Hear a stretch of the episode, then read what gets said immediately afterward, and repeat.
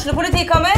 Ine Jansen er purk. Er du purk? The motherfucking bitch. Alt jeg vil, er å finne ut hva som skjedde med mannen min. Jon Carew. Er jeg sikta for noe? Iben Akeli. Det er du. Ole So, Lars Berrum og Big Daddy Karsten. Hvem sin side er du på, egentlig? Anette Hoff, Tone Danielsen, Kommer du fra Afrika? Jørnis Josef, Nesten. Kløfta. Trond Espen Seim, Det er synd å si det, men det var feil mann som døde. Purk. Premiere tirsdag på TV2 Play.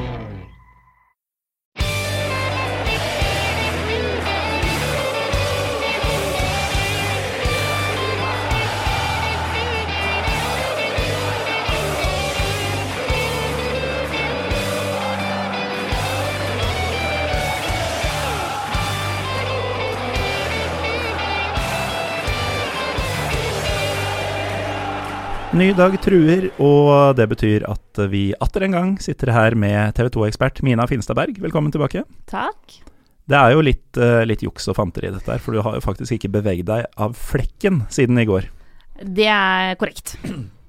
Men eh, det, jeg tror ikke det går sånn veldig utover eh, lytterne. Men uh, i går så var vi litt inne på at du er fra Lillehammer, og at det er utrolig sånn juleidyllisk der oppe. mm, At dere er nærmest sikra snø og sånn hvert år. Og at det handler mye om deg og din far og Stoke.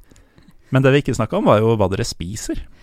Og der er vi ekstremt tradisjonelt innenlandske. eh, For her er det ribbe og surkål og rødkål og medisterpølser. Og min favoritt, innmatpølse. Det vet jeg ikke om så mange andre som spiser, men det er egentlig nesten det eneste jeg spiser på julaften. Eh, og så spiser vi veldig mye sylte i løpet av jula. Mm. Eh, mormors gamle oppskrift som brutter'n nå har lært seg å lage. Så det er liksom det, det, Vi er ikke veggiser i jula, det er vi Nei. ikke. Her, her var det veldig mye på en gang, men uh, nummer én, hva, er, eh, eller hva skiller en innmatspølse fra, fra andre pølser? Den er jo laga på innmat, da. Ja. Men er det ikke Eh, ofte det? Jo, men den er veldig mye mørkere. Oh. og smaker mye mer. Altså, liksom Medisterpølse er på en måte barnevarianten. Lett å Mm. like for alle. Men du, hvis du skal ta steget liksom et, topp, et tak opp, da, så er det innmatpølsa som er eh, det du skal gå for. Det, det må jeg finne ut av. Jeg anbefales veldig, altså. oppsøker veldig mye innmat når jeg er ute og reiser. Men eh, en annen ting var jo surkål og rødkål. Føler du at de Trenger du den ene når du har den andre? Jeg trenger jo at det lukter begge deler i huset Ah. i forkant. Mm. Uh, Fattern som stort sett lager, og da Det er en veldig, veldig viktig del av julestemninga. Jeg tror vi begynte med en kombo fordi enten jeg eller brutter'n ikke var så glad i surkål som barn. Mm. Da kjørte man begge deler. Eh, og så har det mer bare blitt fristende å se greie. den lilla varianten. Er artig med farger, vet du. Det er det. Ja. Men uh, sylte er jo også et kapittel for seg, egentlig. Fordi altså, nå har du snakka om innmatpølse. Og um, jeg begynte jo å spise sylte fordi jeg trodde det var et helt vanlig pålegg som barn. Ja. Og så var jo det butikkjøpt. Og så var jeg hjemme hos eh, en eh, barndomsvenn i en førjulstid. Og far var fra sånn Eidsvoll, eller enda litt lenger opp, da. Fra landet, rett og slett. Og de skulle lage egen sylte, og jeg var jo kjempegira. Helt til jeg skulle på do og så at der lå det noen grisehuer i badekaret. uh, inntil da så hadde jeg ikke skjønt hva, hva dette var. Så det kalles jo hodesylte Mm. ofte. Så jeg er veldig klar over hva det lages av, men det, der har jeg på en måte aldri blitt skjerma i barndommen på Nei. det. Uh, det kalles jo head cheese på engelsk, Ja. eller noe som ligner i hvert fall. Så, men sylte må med, og fatterns hjembrygga øl. Eh, det er da et eh, barneøl, holdt jeg på å si. Det er et alkoholfritt øl. Eh, etter oppskrift av min oldemor. Men det er liksom det ultimate juleølet likevel. Vi har drukket det siden vi var barn. Mm. Et såkalt slåttøl, som de også pleide å lage til slåttekara sommerstid, når de måtte ha noe å leske seg på i varmen. Det er ganske legit innlandsjul du feirer. Å ja da, vi, vi leker ikke innlending her, altså. Nei. Hvor, eh, hvor mye haster det for deg å komme deg opp dit? Altså, nå er jo Oslo på sitt verste, føler jeg. Ja, Det er det. Mm. Og akkurat nå altså det er, Jeg har jo bodd i Oslo eh, i ti år nå, eh, og har ingen planer om å flytte tilbake til Lillehammer. Men akkurat i desember Mm. så kjenner jeg det, altså. For da er det pent og snø og bare koselig hjemme på Lillehammer. Og så er det grått og regn og ikke noe snø i Oslo sentrum. Og folk er så onde. Det, det er så mange av dem, og de er så hensynsløse. Ja, det, er god, det er veldig god plass på Lillehammer, det er også en fordel. Ja. Det er veldig lett å liksom, få litt aleinetid hvis du Mm. har behov for det. Hva er det som er mest, eh, mest plagsomt med Oslo-gryta i disse dager? Nei, det er jo for de av oss som i utgangspunktet hater shopping, som jeg gjør. Mm. Hvis det er helt grusomt. Har jeg stort sett en shoppingkondis på rundt 15 minutter. Men bare tanken på å skulle bevege meg inn på f.eks. Oslo City nå, gir meg litt utslett. Eller ganske kraftig utslett, faktisk. Et uh, pro-tip som jeg lærte da jeg bodde på Bjølsen for noen år siden, er at uh, Storosenteret er, uh, eller oppleves i hvert fall, så mye um, videre og romsligere Ja. enn spesielt Oslo City, da, som jo er helvetes forgård. Det er så grusomt. Ja, Jeg blir så sliten av Ja. det. Jeg ble sliten av å snakke om det nå, faktisk, så vi må over på noe helt annet. Yes. Um, vi lovte jo i går at vi skulle holde oss på de britiske øyer, og det er faktisk eh, den siste klubben derfra i uh, denne lista over uh, pionerklubber, Uh, som vi ikke har vært innom ennå. Det er Rexham Association Football Club. Yes. Som mange kanskje blir overraska over, for vi har jo hatt et engelsk lag, og disse er jo det engelske ligasystemet. Ja, men det er Wales, vet du. Ikke sant? Og uh, sjøl om de er liksom buddies uh, inn mot uh, engelske ligasystemet, så må jo Wales få lov til å ha en plass i den gjengen her, også selvstendig. Mm. Um, du er jo språkviter, Mina. Yes. Du sa før vi gikk på at du hadde litt lyst til å prøve deg på det walisiske navnet til klubben. Um, Ja. tar, du, tar du utfordringa? Altså Problemet her er jo at jeg kan jo ikke walisisk på noen som helst måte. Jeg har hatt veldig mye om walisisk på pensum, for det er sånn man lærer en del om når man eh, driver med eh, lingvistikk og språkvitenskap. Eh, men de er jo mest kjent for sin ekstreme hang til konsonanter. Mhm. Så klubb der er jo da CLWP. Så er det en klubb Peldroed Symtheidas Vrexam, som jeg nå bare leser på rein gefühlen. Ja. Men det er i hvert fall ganske langt navn i utgangspunktet. Det låt uh, legit, så vidt jeg kan forstå. Ja, jeg har ikke snøring. ikke jeg heller. Men uh, tredje eldste profesjonelle fotballag i verden. Og um, altså Veldig mange av disse klubbene i, uh, i um, Club of Pioneers er jo stifta av utvandra engelske sjømenn, eller britiske sjømenn. Det er jo ikke tilfellet her. Nei, og her er vi jo For det første så må vi bare ta den historien med at eh, de blei jo plutselig eldre for sju år siden. Fordi eh, sånn et års tid før de egentlig skulle feire 140-årsjubileum, for de trodde at de var eh, stifta da i 1873, Ja. så oppdaga man at de sannsynligvis eh, var nærmere 150 år, ikke 140. Eh, og at eh, de faktisk er stifta helt tilbake i 1864, eh, fordi de hadde funnet noen eh, gamle lokalaviser osv., osv., som da viser at klubben i utgangspunktet er eh, nesten ti år eldre enn man egentlig har trodd. Og Det syns jeg også er litt spennende. Det er jo helt sprøtt, egentlig. Og da, da får du jo en litt annen status i hierarkiet historisk sett. Ja, klart også. det. Du flyr jo oppover listene. Men du har jo da Altså, de har jo gått gjennom de her, og jeg, jeg har også lest gjennom dokumentasjonen og bevisene som ble lagt fram da, når det Mm. skulle voteres over hvorvidt man skulle endre stiftelsesåret, for da endrer du jo logoen og sånn òg. Og det er veldig fint, for du finner de her eh, 1800-talls walisiske avisene som eh, henviser da til, til denne klubben, eh, og på et mye tidligere tidspunkt enn det man opprinnelig har trodd. Men på likhet med da mange av de engelske klubbene, så er det jo igjen her da cricket Mm. som blir på en måte utgangspunktet. eh, at man eh, har da folk som egentlig holder på med cricket. Som, eh, det som er historien her, er vel at de egentlig ville ha noe å drive på med vintertid også. Ja. Og på den måten da landa på, på fotball, og gikk i gang med å skape da en egen fotballklubb i 1864. Og spilte da samme året det man tror er den første kampen deres, mot, eh, mot brannvesenet.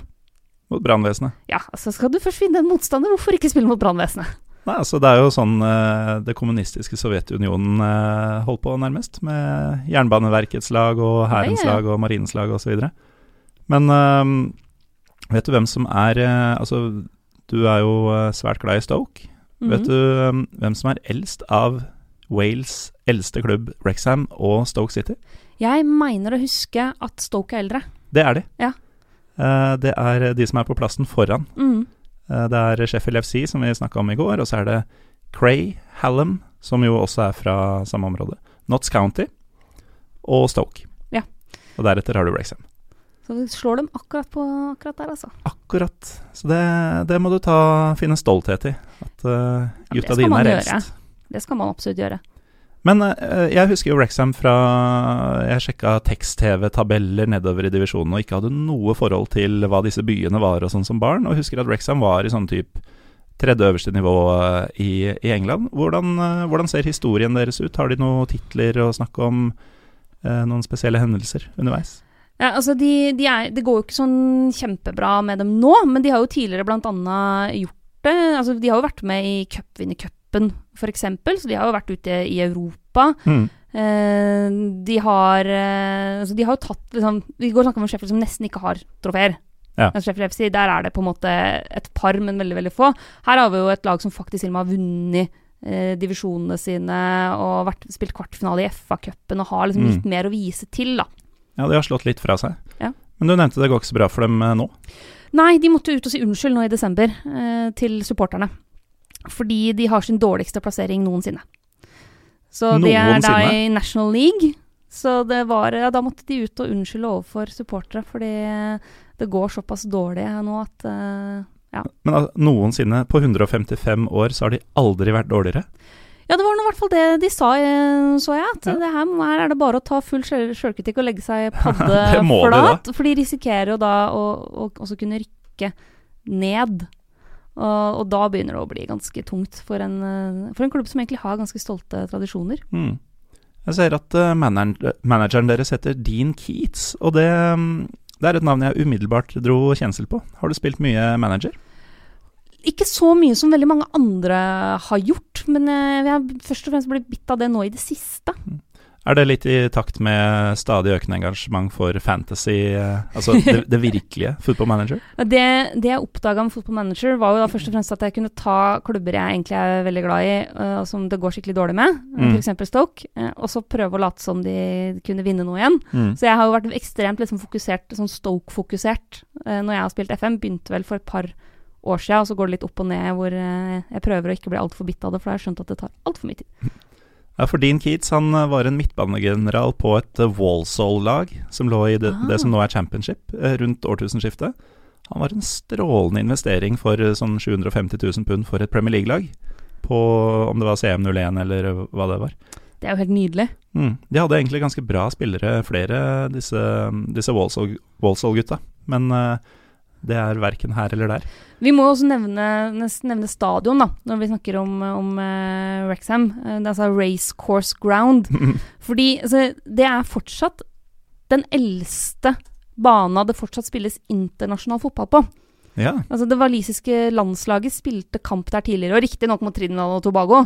Så det er jo ikke på en måte Det er ikke dit de drar når det er eh, avgjørende EM-kvalifiseringskamp. Men eh, de, hav, de står i Guinness rekordbok også som da den eldste stadion som man fortsatt har internasjonal fotball. Og med internasjonal fotball så regner jeg med at det de legger i det da, er sannsynligvis landskamper slash europakamper, da. Mm. Men det er jo en, eh, en fjær i hatten selv i vanskelige tider for, eh, for Wrexham. Og en god grunn til å dra på et besøk og se kamp. Ja, det, det må man gjøre når man først er i traktene. Ja, så hvorfor ikke? Du har ikke vært i Wales du heller? Nei, jeg har dessverre ikke det. Eh, Jeg har veldig lyst til å dra dit. Ja, man må nesten bare gjøre det. Og da kanskje Wrexham blir stedet å dra. Det peker seg jo veldig ut som en heftig kandidat, da. Mm. Du nevnte sånn avslutningsvis, så nevnte du at du er glad i, i klubber som sliter litt. Eh, Stoke har vi jo dekka ganske bra, men eh, du er jo også glad i eh, AC Milan. Ja. Hvordan ser du på utviklinga der denne høsten? Det er jo en klubb som er i ferd med å bli mer og mer rotete Mm. for hver sesong som går. Man sparker trenere litt i hytt og pine. Eh, og det trenerne stort sett har til felles, er at de tar ut lag som ingen av supporterne skjønner noen som helst av. Altså, så det har vært litt sånn te gjennomgangstema nå i ganske mange år. at Hvorfor spiller han som er superdårlig, og ikke han som er kjempegod hver gang han byttes inn? Som f.eks. Fabio Borini. Får han fortsatt spilletid, eller? Eh, altså nei, men, men Fabio Borini Jeg føler da man signerte Fabio Borini, og han faktisk endte opp med å spille ganske mye, så sier det egentlig at du trenger å vite om ståa i AC Milan. Men nå Mm. er det sånn at, eh, at Ante Rebic ikke får sjansen, mens man insisterer på å spille med Hakan Shalanolu Mm. eh, kamp etter kamp. Sjøl om han har omtrent like mye tempo som mormor med rullator, så er det fortsatt han som på en måte er mannen å gå til. Men de ligger på en eh, tiendeplass der, med seks seire så langt i sesongen, så det er ganske mediokert. Det er ikke bare bare å være Mina. Nei, det er tungt, men heldigvis så har jeg fotball i andre ligaer å kose meg med. Det er veldig deilig med de kamper hvor du ikke har følelser involvert. Og så må vi jo nevne da at du er jo en av de mest ivrige i TV 2-redaksjonen på min favoritturnering, Europaligaen. Ja. Det, altså det må jeg bare si, for folk som ikke har sett Europaligaen ennå, det må dere gjøre Mm. med en eneste gang. Det er en helt fantastisk turnering, spesielt for de av oss som syns tribunekultur er gøy. Eh, jeg syns jo det er veldig morsomt å se fra ulike land Mm. hvordan man uh, gjør det. Og så får vi jo sånne veldig rare, rare oppgjør uh, av typen uh, Det er ikke så rart, da, men Omar El Abdelawi da, for eksempel, skal jo til, til Emirates og spille der. Mm. Du får I fjor så var det der kanskje Jao Felix virkelig fikk sitt gjennombrudd og ble liksom en spiller som alle fulgte med på. Det var jo første gang vi så i, i Europaligaen. Mm. Eh, du får liksom Bruno Fernandes mot Fredrik Gulbrandsen. Eh, du får Ajax mot eh, sjokklaget Chetaffe, som plutselig var dritbra. Eh, du har sånn som Apoel-supporterne, som stort sett alltid lager liv. Altså, det er så Det er så mye gøy. Bare å glede seg til fortsettelsen eh, der. Og um, nå er det jo snart eh, Altså, nå er det snart tid for deg å dra opp til Lillehammer og slippe unna denne, denne fryktelige byen. Eh, for, eh, for i år, holdt jeg på å si. Så um, takk for at du har vært med oss de to siste dagene, Mina Finstadberg. Bare hyggelig. Og god jul. God jul.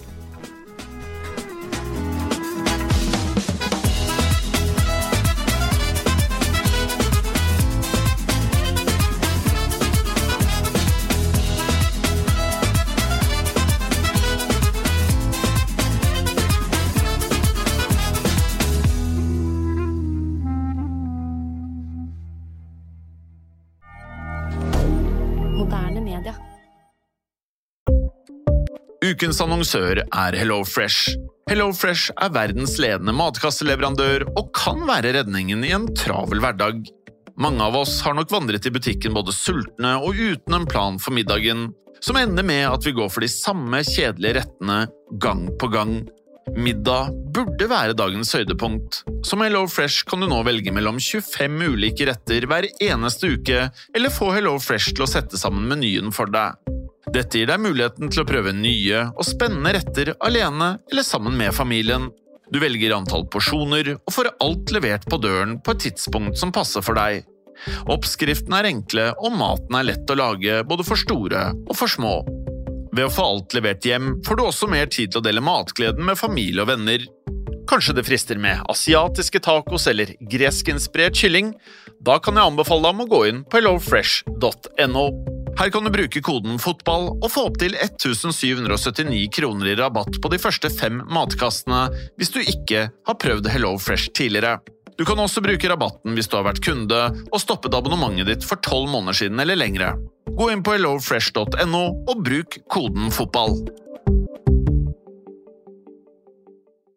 Har du et enkeltpersonforetak eller en liten bedrift?